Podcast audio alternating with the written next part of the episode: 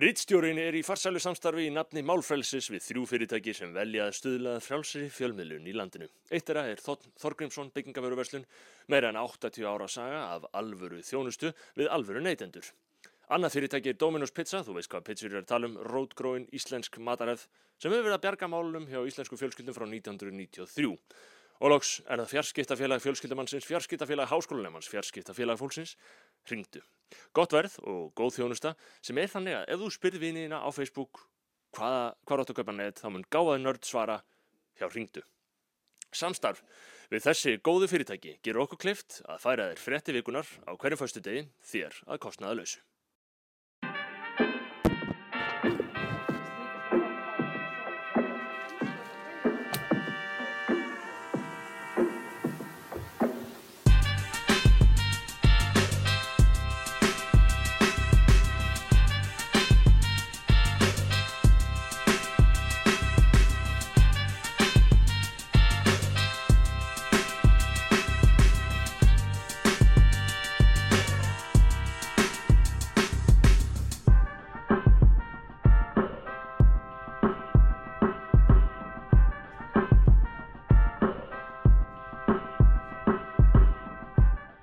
Komið sæl og verið velkomin í frétti vikunar með Snorra Másinni Rítstjóra. Besti staður er að fá alla fréttina sem þú þart en ekki að eru alltaf að fylgjast með fréttum mjög mikið.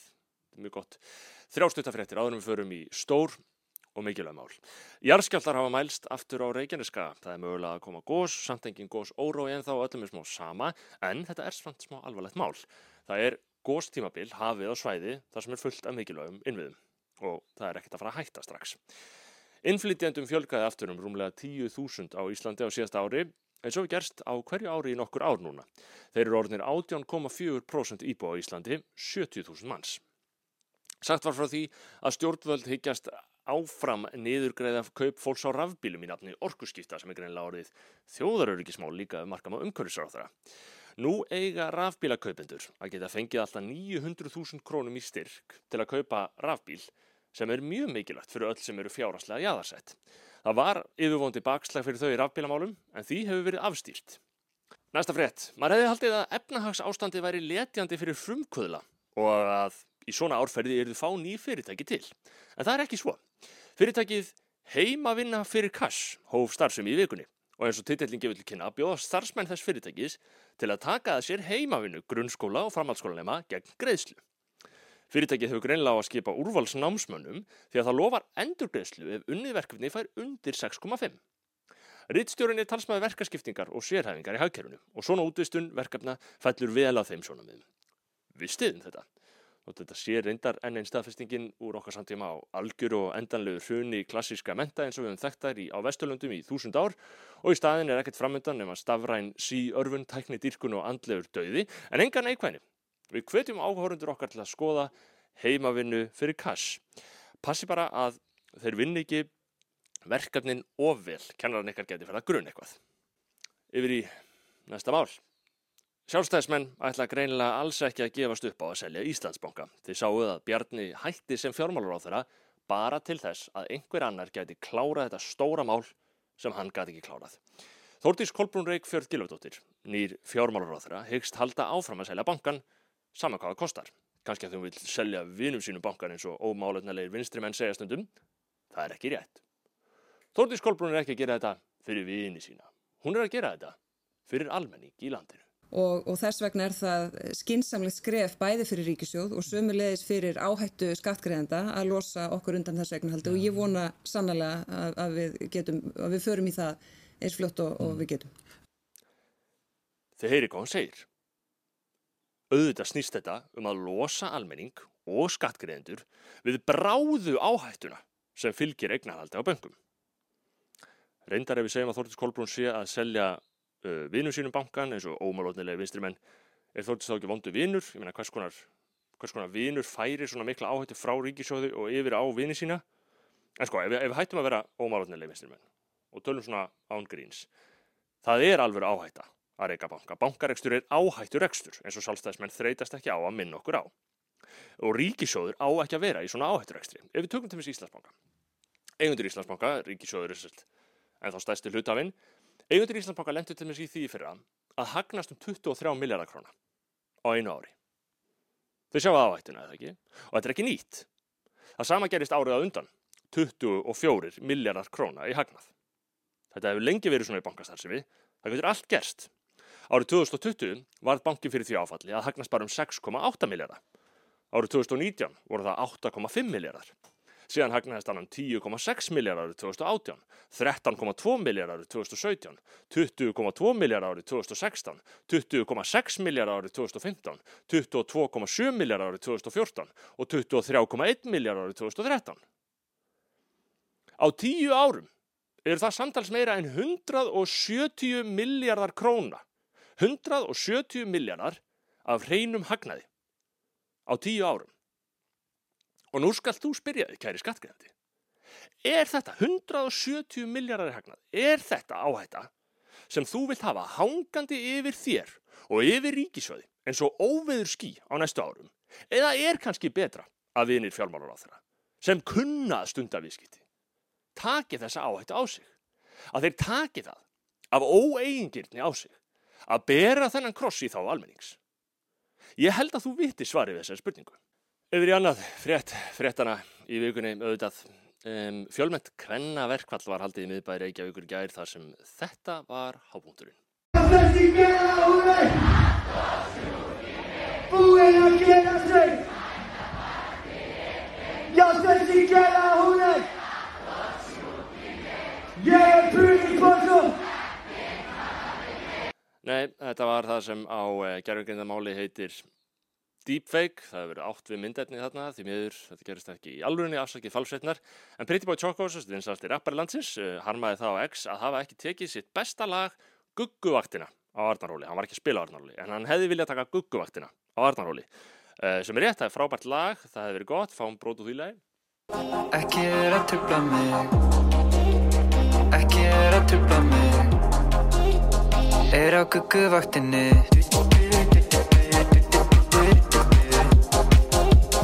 Ekki er að trubla mig Já, ekki verið að trubla mig, er á Gugguvaktinni. Þetta er sangallagur óður til einhleipa íslenska karlmannsins á 21. öld, kófsveitur allar helgar að leita drauma dísinni á átó eða Amerikan bar, allt eftir stjættastöðu. Rittstjórin sendir baratu kveður til þeirra sem standa Gugguvaktina allar helgar, sem, ef eigum að vera hreinskilinna, er mun erfiðari en þriðja vaktin. En hún fær ekki suma aðtegla akkur allir það sé, ekki var Gugguvaktinni mótmælt í kvennaverkfallinu á Arnarhóli gær, kannski var henni mótmælt í 20 manna reyndar karlaverkfallinu sem karlir réttinda sinnar heldu, en þriðjuvaktinni var hins vegar mótmælt ofinberlega í kvennaverkfallinu. Þriðjuvaktinni var mótmælt ofinberlega í kvennaverkfallinu. Er það ekki smá skrítið? Akkur ferðu að mótmæla þessu ofinberlega? Talaði bara um manniðin. Sko, auðvitað er vinna. Auðvitað er vinna að skipa ekki fjölskyldulíf. En hvað ef, bara hvað ef, hvað ef þriðja vaktin, þriðja vaktin, er bara vel hefnað áróðursbrað markasabla sem vilja sannfæra þig um að stóra vandamáli í lífið þínu sé makinn þinn og hans hegðun frá degil dags en ekki bara ömulegi vinnustæðurinn sem tekur alla orkuna frá þér að þú þarfst að mæta þanga á hverjum degi frá 9 til 5 og meðan börnin eru geimt á stopnun og svo færðu þau pyrruð í fangið og þarf svo að þrauka það sem eftir lifi dags í því andrúslofti til þess eins að gera þetta allt strax aftur daginn eftir gæti verið, bara gæti verið að vandamálið í lífið þínu sé bara að öll orkaðinn sé þegar farin í tilgangslösu tölupóstavinnina þína en að vandamálið sé ekki það að maðurinn hafi ekki frumkvæðið að kaupa gjöf fyrir ammæli sem er eftir tvær vikur. Með þessu eru els ekki segja að karlar mætti ekki vera, að karlar mætti ekki reyna að vera minna heimskir og treyir og ömulegir. Það er alltaf ástæðilega minna það. En við verðum samt alltaf að muna að það eina sem fyrirtækin vilja er að þú haldir áfram að setja vinnuna þína í forgang, haldir áfram að mæta og haldir áfram að búa allir peninga fyrir þau. Þess vegna eru þau og allir til að gera mál úr þriðju vaktinni. Það beinir aðtikla okkar frá alvöru vandamálum, of mikilli vinnu fyrir of lítinn ávinning og að auðveldasta skotmarki dagsins yllu karlmörunum sem ger aldrei neitt á heimilinu. Ég segi, látum ekki útsmógin sálfræðihernað sá fræjum sundrungar á heimilum landsins. Það er þriða vaktin. Já, sko, því miður er það ekki hlutverk okkar gaggrinu blaðamannina sem stöndum vörðum líðræða á hverjum degi að lepja bara upp það sem alltaf var að segja um atbyrði líðandi stundar eins og hvenna verkfældi núna. Við eigum frekar að vera leiðinlegir í vondurskapi þegar allir aðrir er í góðuskapi, þannig að þið afsakið framfærið mitt hérna í dag. Ríkisútarpið hins vegar lítur ekki á þetta sem hlutarskitt í þessu máli, að fjalla gaggrinnið um pólitísk mál. Heldur var endt til meiri hátar hátíðar halda þar á bæi vegna hvenna verðfalsins í gæri. Allt í einu var sjálfur útvarpstjórin mættur í útsendingu fann að taka viðtöl. Kæru hlustendur, gestur minn í segðu mér er Katrín Jakobsdóttir, fósættisráð þeirra. Velkomin í þáttinn og til hamingi með daginn og þá miklu samstöðu sem við blasir á þessum áhrifamikla degi. Já, takk fyrir og, og sömu leiði segi ég nú bara því ég breytti kynjana eru þetta mál okkar allra. Svo sannlega, hvenar varstu feministi? Auðvitað fættist Katrín Jakobsdóttir feministi. Hvernig er annað hægt? En sem sagt, þetta viðtal við þurfum að ræða þetta viðtal. Sko, þarna er Stefán Eirísson, uh, útvarstjóri, fyrir undir lauruglumæður, já, við búum alltaf í þannig samfélagi, heilbríðsáður okkar er fótbollþjálfari, dómsmálaráður okkar hafið fram að embætstökustarfið að selja rjómaís, um, útvarstjóri ríkismiðilsins er lauruglumæður, hvað er það? Stefán Eirísson er mættur að taka annað viðtal. Um, af hverju? Hann var að leysa Sigurlaugu Jónastóttur af, sem við segðum mér hún var fann í kvennaverkvall. Sko, ef punkturinn með verkvalli er að lama vinnustæðin, hefur þá ekki uh, útastjórun unnið fullnaða sigurina. Hann fær sko ekki aðeins fær hann að eigða áhrifum verkvælsins alveg með því ganga í starf uh, sigurlögar. Heldur er hann um hampað sem jafnbreytis hetju á meðan að því. Konu fær verkvall um, en verkvalli hefur engin áhrif að því að ég gengi störfin og ég er jafnbreytis hetja. Þetta er mjög góðu dýl og reyndar á meðan í mann. Ríðsson spyr. Er til ómikið sætlast að það sé alltaf, alltaf, alltaf algjör eldveggur á milli útastjóra og forsvætisáþra? svo að áróðurslutur ríkismiðilsins sé ekki svona grátlega auðljóst. Eða eru við bara hægt að reyna að halda þeirri sjóngarunga lofti? Sko, kannski er þetta ekki við Stefán Útastjóra að sagast hérna. Uh, hann fjalli sömu grufi og þónarkir aðrir mjög sís karlar gerðu í aðranda kvannavarfælsins.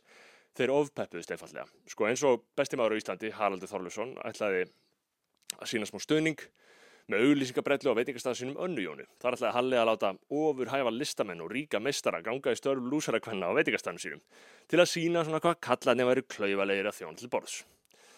Síðan ætla hann að bjóða upp á 21% afslátt fyrir konur sem virðistennindar held ég byggt á muni á atvinnutekjum en ekki leiðritt um launamun. Þannig að sérst ef að menn færi með þá hugmynd alla leið þá ættu við raun og veru að tekju tengja alla verðlagningu alla daga. Þá finnst það alltaf að væri að tala um almennilegar félagslega framfærir. En þetta var, sagt, um, þetta var hugmyndin hjá Halla, að uh, láta fræja Karla ganga í störðasar hvenna, um, þanga til að frænka minn Sólvið Tómasdóttir gerði hann afturrega með þessa hugmynd. Karla rættu ekki sviðið í dag, allt var þetta mikið bakslag og í kjölfarið kom síðan frá Halla svo tæmandi og svo afdráttalauðs afsökunarbeginni að hann gat held ég hætti að hafa ágjur á málunum. Í tilfelli útastjórans og forsætsáþunum hins vegar er eins og kvennaverkvall sé það heilagur málstæður að allt sem á að heita hlutlaus nálgun fréttamiðla sé bara alveg látið lönd og leið. Um, eins og þetta sé bara ekkert pólitískt mál.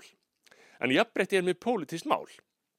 Nú eiga konur auðvitað að fá sömu laun fyrir sömu vinnu og karlar og riðstjórun myndi aldrei tala fyrir öðru. Í flestum tilíkum vonar hann að þetta sé raunin og ég held að þetta sé raunin víðast og þar sem svo er ekki þá hlýtu markarinn að leðrita það að lokum. Sumi stjórnmálamenn hins vegar telja sérstakra rótækra aðgerða þörf til að tryggja jöfn laun. Það er pólitískt mál eða ekki. Ein eftirminnileg leið til að tryggja jafnbretti með handabli voru lög um jafnlaunavottun sem voru í bóði Þorsteins Víglundssonar viðrisnamanns. Það var nætti félags- og jafnbrettismálar á þeirra árið 2017. Vel að merkja að ég var að tala um þannig að þetta fjöl hafa ráð þeirra lið okkar fókbaltaþjálfurinn á Ískerrakorundar. Þorstein Víglundsson er mjög gott koncept líka. Þetta er svona uh, steipu fyrirtækisgaur einhver sem vil evru, örgulega vegna viðskiptasjónum með það, uh, fer í pólitík í pásu frá reksturinnum, fyrir viðreist, er alltaf í norðin jafnbrettsmálir á þeirra Íslands og býr til eitthvað yfirborslegt vottunarbull fyrir PC fyrirtæki. Allavega, þessi jafnlaunavottun átti að staðfesta með vottunarferli að atvinnureikendur væru með ferla sem tryggðu að ákvarðanir í launamálum fælu ekki í sinni kynbundin mismun. Og stjórnvöld voru mjög áfram um að fyrirtæki gengu í gegnum þessa vottunartímabili og tímabili var með þess að sko til umræða að setja skattaafslátt til þeirra sem gerðu það. Og árangurinn var mikillega þessast þrýstingurinn eftir hvernig maður lítur á það. Í oktober 2023 hafðu 557 íslensk fyrirtæki innleitt þessa jafn launavottun í gegnum þar tilgerða vottunar aðila. 557 fyrirtæki af svona cirka 1200 sem gætu innleitt þessa vottun. Meðal kostnaður við svona innleiðingu nefnur um 16 miljónum íslenska króna. Það þýðir þá 557 fyrirtæki, 16 miljónir, það þýðir þá um 8,9 miljardar króna frá fyrirtækjum og stofnunum landsins í jafnlaunavottun. 8,9 miljardar króna. Og líklega meira þetta kostar líka að endur nýja vottununa á 30 ára fresti. Frá því að Þorstein Nýlundsson færðu okkur jafnlaunavottununa, það hefur hann horfið að þingi. Þannig að enginn getað að dreyja til ábyrðar eftir að komi ljós í sérstakri rannsókn félagsvísindadeildar Háskóla Íslands að jafnlaunavottun hefur ekki haft bein áhrif á launamun kynina. Jafnlaunavottun hefur ekki haft bein áhrif á launamun kynina. Þetta er niðurstaða rannsóknar. Munun af fyrirtækjum sem hafa fengið vottun og fyrirtækjum sem hafa ekki fengið vottun er eitt próstussi sem er varla margtækt. Þannig að þetta hefur ekki áhrif. Lögjöf sem átti að draga úr kynbundum launamun hefur ekki gert það. En hún hefur eins og að kostað íslensk fyrirtæki 9 miljardar króna fyrir ekki neitt. Og þau halda fram að borga en þá í dag, af því að þau þóru ekki öðru. Eðlileg viðbröð við þessari niðurstöðu félagsvísundastofnunar væru, ok, heyrðin, jafnlaunavottun, þetta virkar ekki, hættum þessu strax. 9 miljardar í súin, við verðum að hætta þessu strax. En nei, rannsakandur í þessari rannsón Háskóla Íslands segja náttúrulega að þeir eru með jafnlaunavottunni þó í gangi stíði að hún hafi ekki virkað. Þau segja, við viljum benda stjórnvöldum á að það sé hægt að gera ákveðnar úrbætur til að samræma vinnulæði við vottunarferðli sjálft til þess að tryggja að vottunarferðli sjálft verði ekki einhvers konar hraðsuða. Ah, það er vandamálið.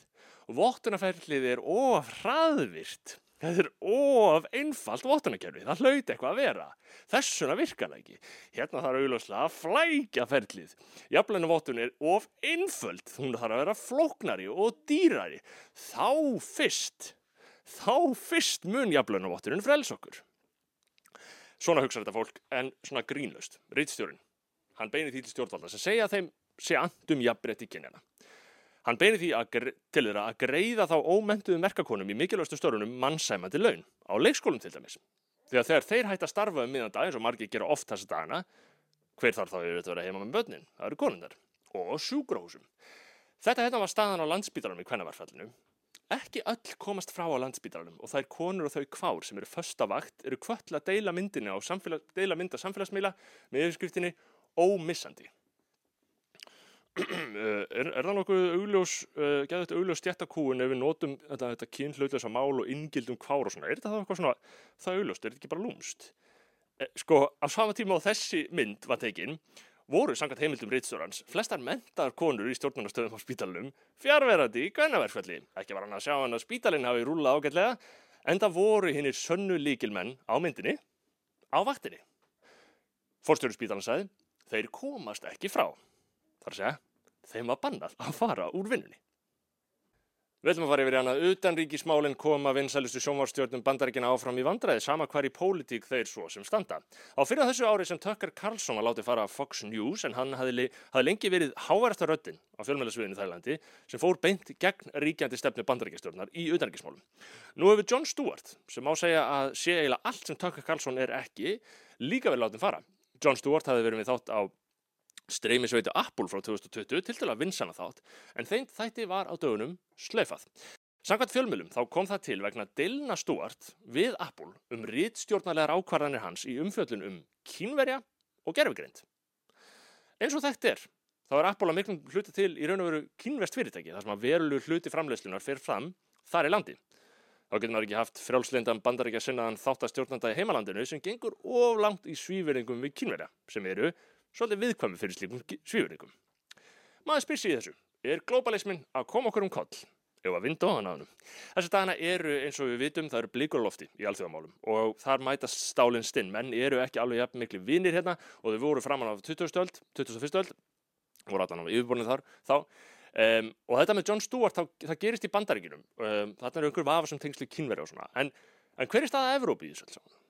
Uh, áhugavert áhugaverð tilvitnin hérna í Janis Varoufakis fyrirhandi fjármálar á þeirra Grekja sem hefur ekki mikla trú á Evrópu í, alþjóð, í alþjóðamálunum.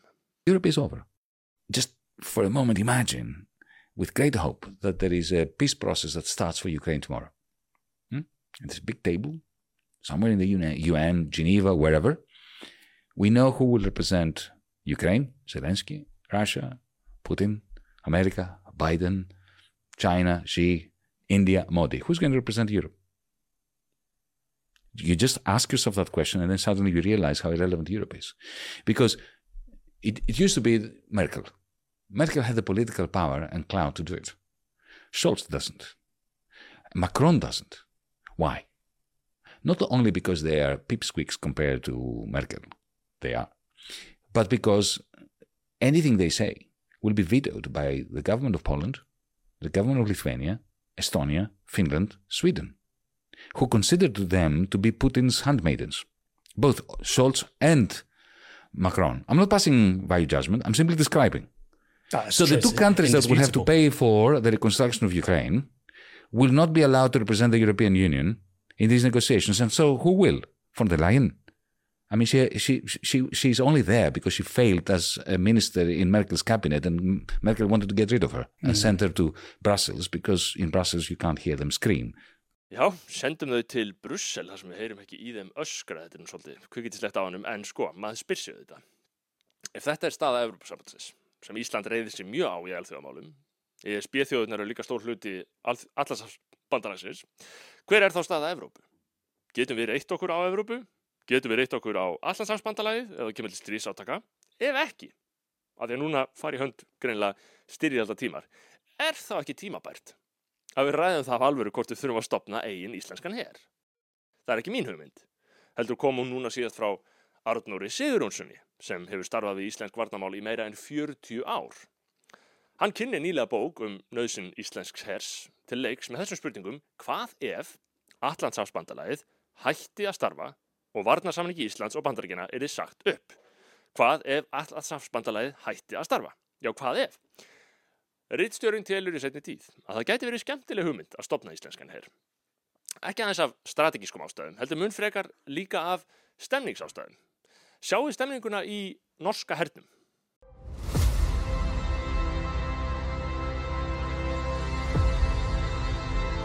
Sammen. For det vi tror på. For det vi er. At vi ikke mister det vi setter høyest. Det som vi nærmest tar for gitt. Og som vi kanskje ikke tenker over før det er borte.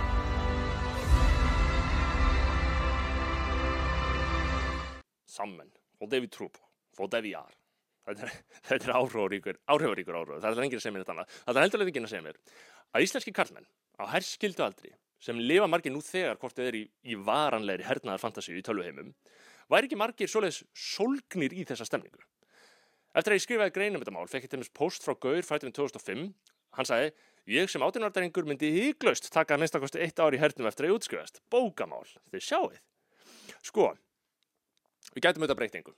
Lift þessum ungum mönnum að ganga endanlega frá dopamin kerrum líkavarsins með töluleikjum og klámi og skellt svo alltaf í okkar árlega málþing þar sem við komum alltaf jafn mikið að fjöllum og spyrjum hvað er eiginlega að hjá strákunum okkar eða, eða við getum farið aðra leið.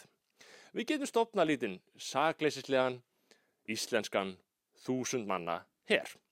Þar sem við komum lífsorku þessara ungu manna í heilbreðan farveg. Setjum þá í stránga líkamlega þjálfun við smá klikkaðar aðstæður út í íslenski náttúru, kennum þeim raunverulegan aga og sjálfstjórn, byggjum upp þekkingu á innviðum landsins, eh, byggjum upp líkamlega hilsu, um, fáum smá samheldni og metna til að vinna störf í þá samfélagsins og eftir herskilduna þá kemur svo ferskir heim, reynslun ríkari og við myndi gera heyrina æfistarfi.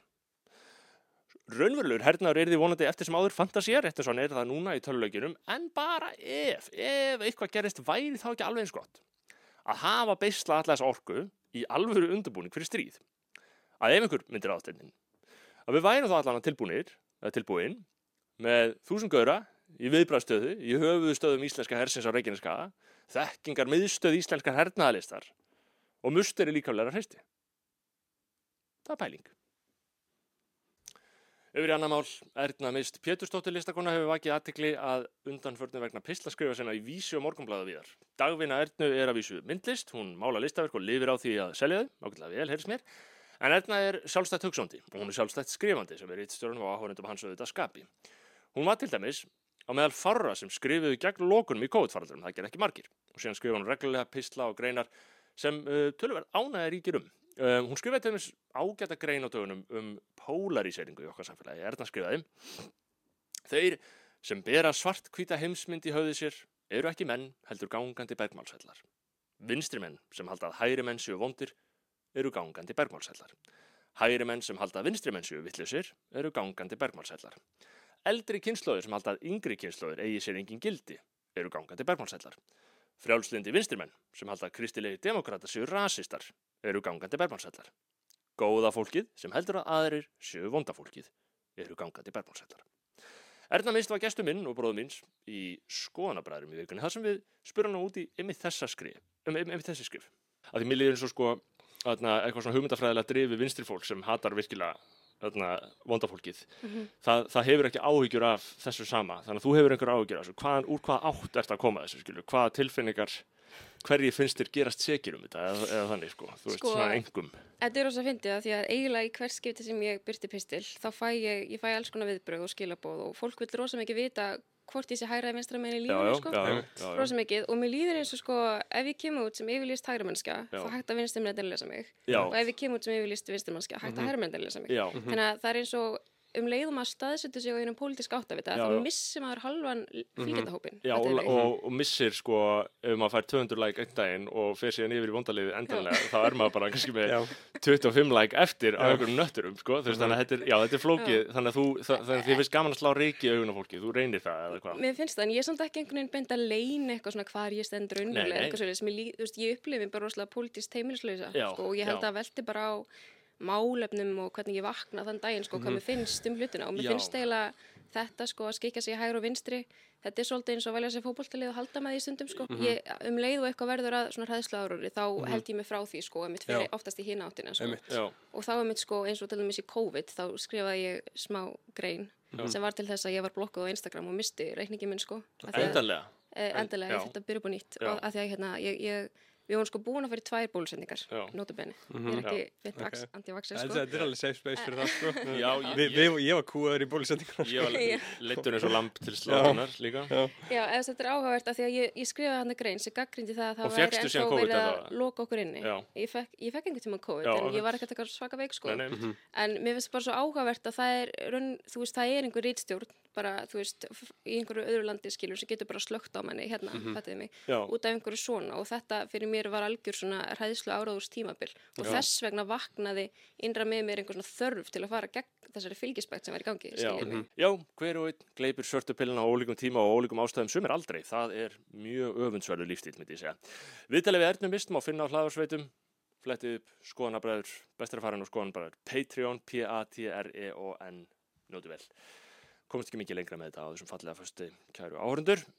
Ef þið eru að horfa á YouTube, gerist endilega ásköfundur þar, ef þið eru að horfa á X, fylgjið mér og hefði sama gildur um Instagram, TikTok, Facebook, ég veit ekki hvað og hvað, alla þessa indislu miðla. Ég minni ykkur á samstags aðila Ritstjórans, Þótt Þorgrímsson, Dominos og fjarskiptafélagi Hringdu. Án þeirra væri þessi þáttur ekki þeirra kostnaða lausu, hérna í hverju viku. Komdu síðan endla í áskrifta ritstjóra.is þú vilt fá allan pakkan, þar er margt skemmtilegt að sjá. Við sjáumst aftur hér í næstu viku. Í millitíðinni byrði ég ykkur auðvitað að hafa leiðaljósi í öllum ykkar daglegu aðtöðum, kjörorð þessa fréttaþáttar, ást á ættjörðu, ást á sannleika, þá kann læst, Guð bless ykkur.